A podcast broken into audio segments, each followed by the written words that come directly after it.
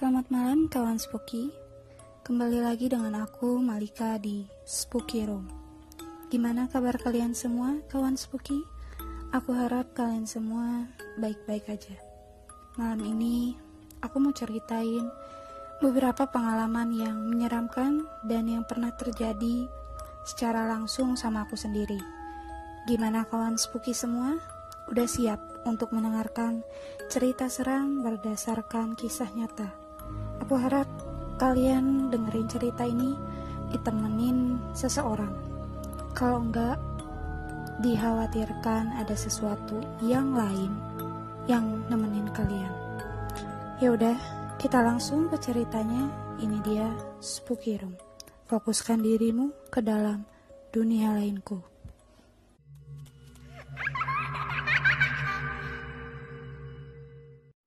Kisah nyata ini dimulai saat aku kecil. Ibuku menceritakan waktu aku lahir ke dunia saat itu. Aku lahir pada Sabtu malam di Rumah Sakit Wijaya Kusuma, Kuningan, Jawa Barat. Awalnya semua biasa saja. Tetapi saat ibuku pulang, keanehan pun mulai dirasakan, kata ibuku.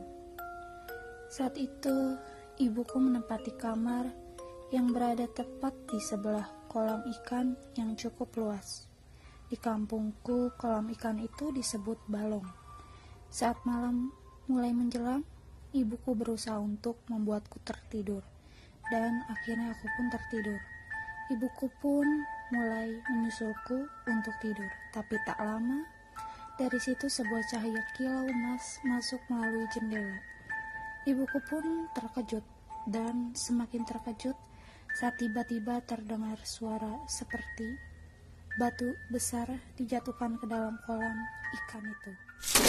Ibuku yang takut dan masih dalam masa nifas mencoba menutupi tangannya dengan kain, lalu mencoba untuk mengambil Al-Quran dan ditaruh di atas kepalaku. Ibuku ingin memanggil kakek nenekku tapi karena letak kamar ibuku yang jauh, ibuku pun mengurungkan niatnya. Ibuku terus membaca surah-surah pendek dan akhirnya kilauan itu perlahan menghilang. Esoknya, ibuku menceritakan hal yang telah terjadi pada malam hari tersebut kepada nenekku. Lalu nenekku berkata, bahwa yang telah terjadi pada ibuku itu diakibatkan oleh teluh alas. Teluh alas adalah suatu makhluk halus yang menginginkan bayi baru lahir. Ibu sangat terkejut mendengar penuturan nenekku.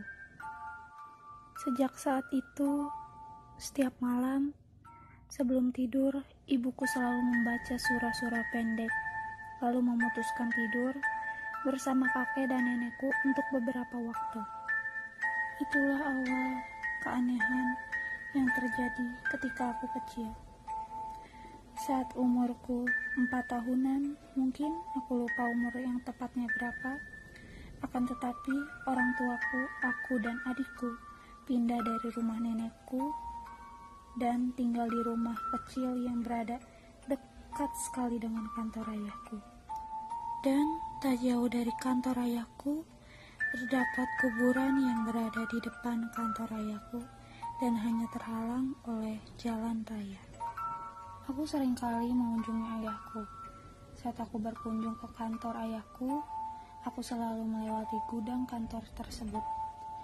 Di luar gudang itu terdapat dinding yang diukir menyerupai pohon dan kayu Lalu terdapat satu ukiran batang pohon yang sangat menonjol keluar. Pada saat itu, aku bertemu dengan temanku dan bermain di batang pohon itu hampir setiap hari. Semua biasa saja pada saat itu. Sampai akhirnya ibuku heran saat aku berbicara sendiri. Karena memang yang tinggal dekat dengan kantor dan yang memiliki anak kecil hanya ibuku. Aku sendiri nggak tahu kalau aku ngomong sendiri. Yang aku tahu dan seingatku, Aku itu ngomong sama wujud anak kecil yang tingginya sama persis kayak aku, terus memakai baju hitam dan berambut putih sepunggung, juga rambut itu kusut dengan rupa seperti nenek-nenek.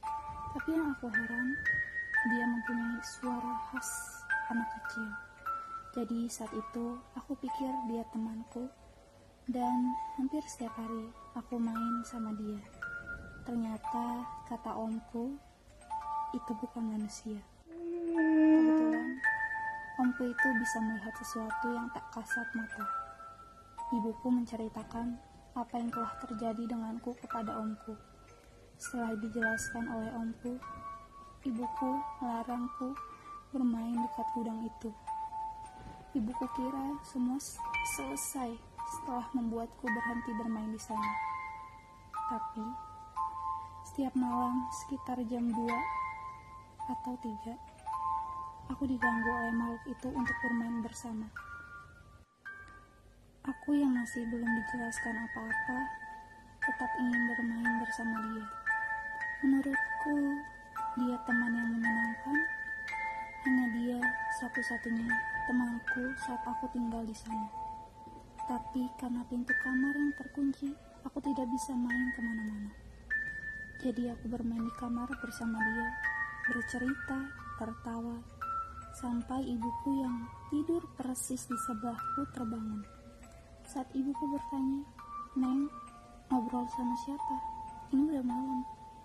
Aku yang memang tidak tahu kalau aku lagi ngobrol sama yang tak kasat mata, menjawab dengan polosnya. Ini lagi main sama teman Neng yang biasa Neng main dekat kantor ayah itu loh bu. Ibuku tiba-tiba menarikku ke kasur dan membaca surah-surah pendek juga ayat kursi. Saat aku menengok, temanku sudah tidak ada. Karena temanku sudah tidak ada, aku pun tertidur lagi. Setiap malam, sampai beberapa hari, aku selalu dibangunkan oleh temanku. Dan ibuku juga berhenti berhentinya membaca surah-surah pendek. Sampai ibuku kesal dan lelah dengan hal itu, lalu bercerita kepada ayahku.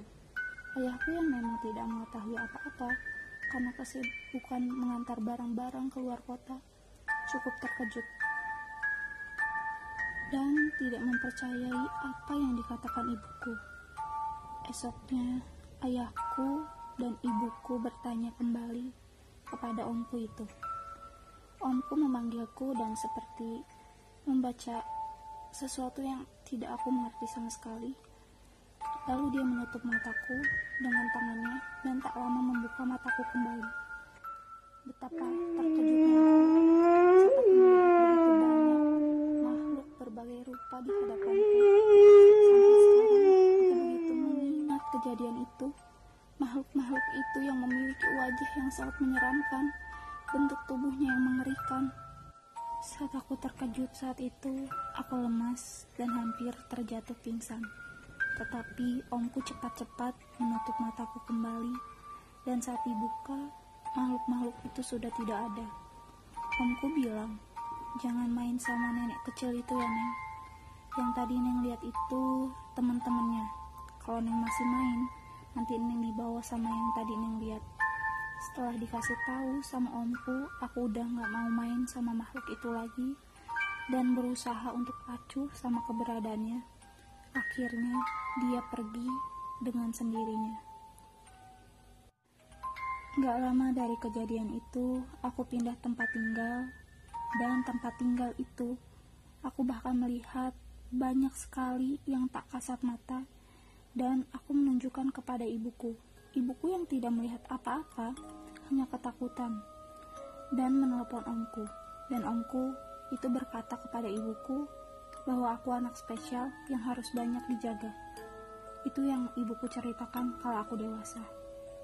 Saat di rumah itu makhluk-makhluk yang tak kasat mata bukan hanya mengganggu diriku, tetapi ibuku pun menjadi sasarannya.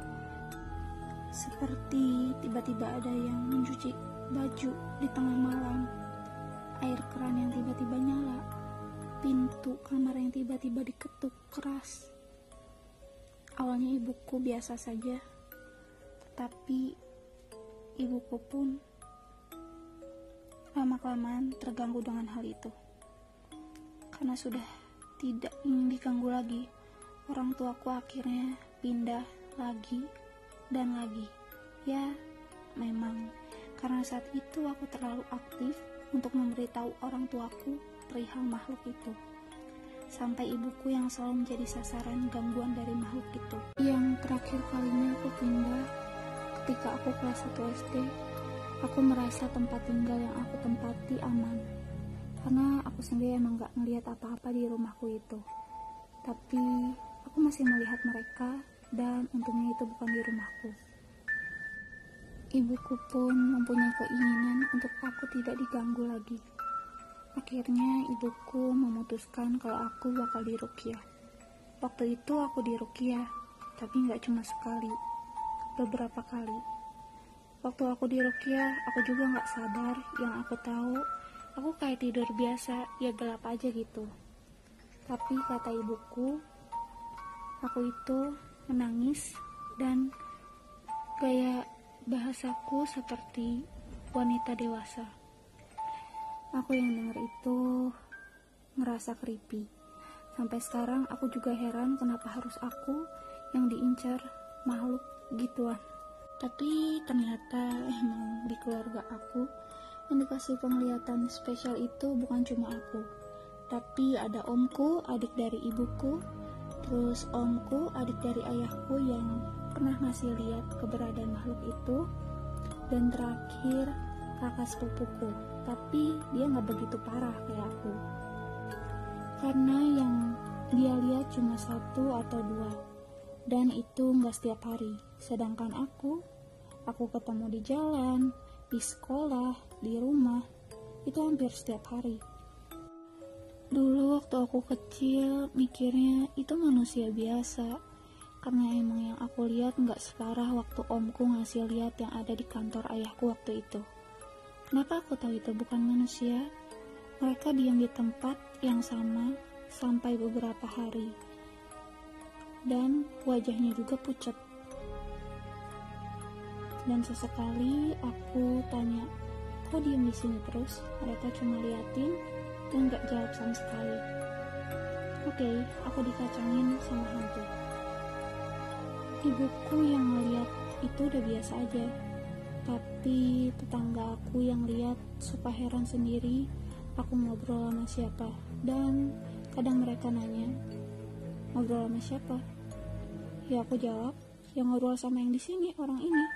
Tapi karena mereka nggak ngeliat apa-apa, mereka kayak ketakutan gitu ngeliat aku. Waktu itu juga pernah aku liburan ke rumah nenek aku. Ketika aku umur 5 tahun atau 6 tahun mungkin aku lupa.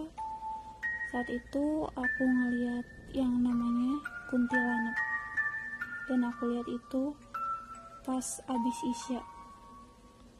Dan itu ada di rumah uak aku yang di mana rumah uak aku itu rumah yang besar banget yang bahkan di tempat ini aja cuman pas lebaran doang dan rumahnya itu persis depan rumah nenekku yang cuma kesekat sama jalan. Kuntilanak itu ada di dekat lampu taman dan kealang sama pagar rumah uaku. Aku nanya ke adik aku, Dek, itu siapa dek? Tapi adik aku yang lagi asyik main semut. Cuma jawab, adik nggak lihat apa-apa teh. Aku tuh tipikal anak yang akan terus penasaran kalau belum dijawab pertanyaannya. Dan Aku nanya ke omku yang lagi ngopi sambil baca koran. Pas aku tunjuk, kebetulan dia emang bisa ngeliat. Refleks dia masuk ke dalam rumah dan ngunci pintunya ninggalin aku sama adik aku di luar. Aku yang lihat reaksi omku itu kaget sama adekku. Dan kita langsung gedor-gedor rumahnya. Mungkin omku sadar dan langsung dibukain dan suruh masuk ke dalam rumah. Emang omku walaupun bisa melihat yang tak kasat mata tapi dia itu tipikal orang yang penakut. Jadi ya dia mungkin refleks ninggalin aku saat lihat yang kayak gitu. Besoknya omku cerita ke ibuku dan nenekku. Aku sampai sekarang gak nyangka kalau aku dulu separah itu. Kalau sekarang mungkin Kalau aku capek banget, baru makhluk itu nampakin diri di depan aku. Aku juga nggak tahu itu kenapa. Jujur, aku cerita ini juga agak ngeri karena setiap cerita itu hawanya jadi serem sendiri dan ya susah untuk dijelasin. Ya, kawan spooky mungkin baru itu aja cerita yang aku kasih. Kalau kalian masih mau dengerin cerita seram aku yang berdasarkan pengalaman pribadi aku sendiri, kita bisa ketemu lagi di malam Jumat berikutnya dengan aku Malika di Spooky Room. Fokuskan dirimu ke dalam dunia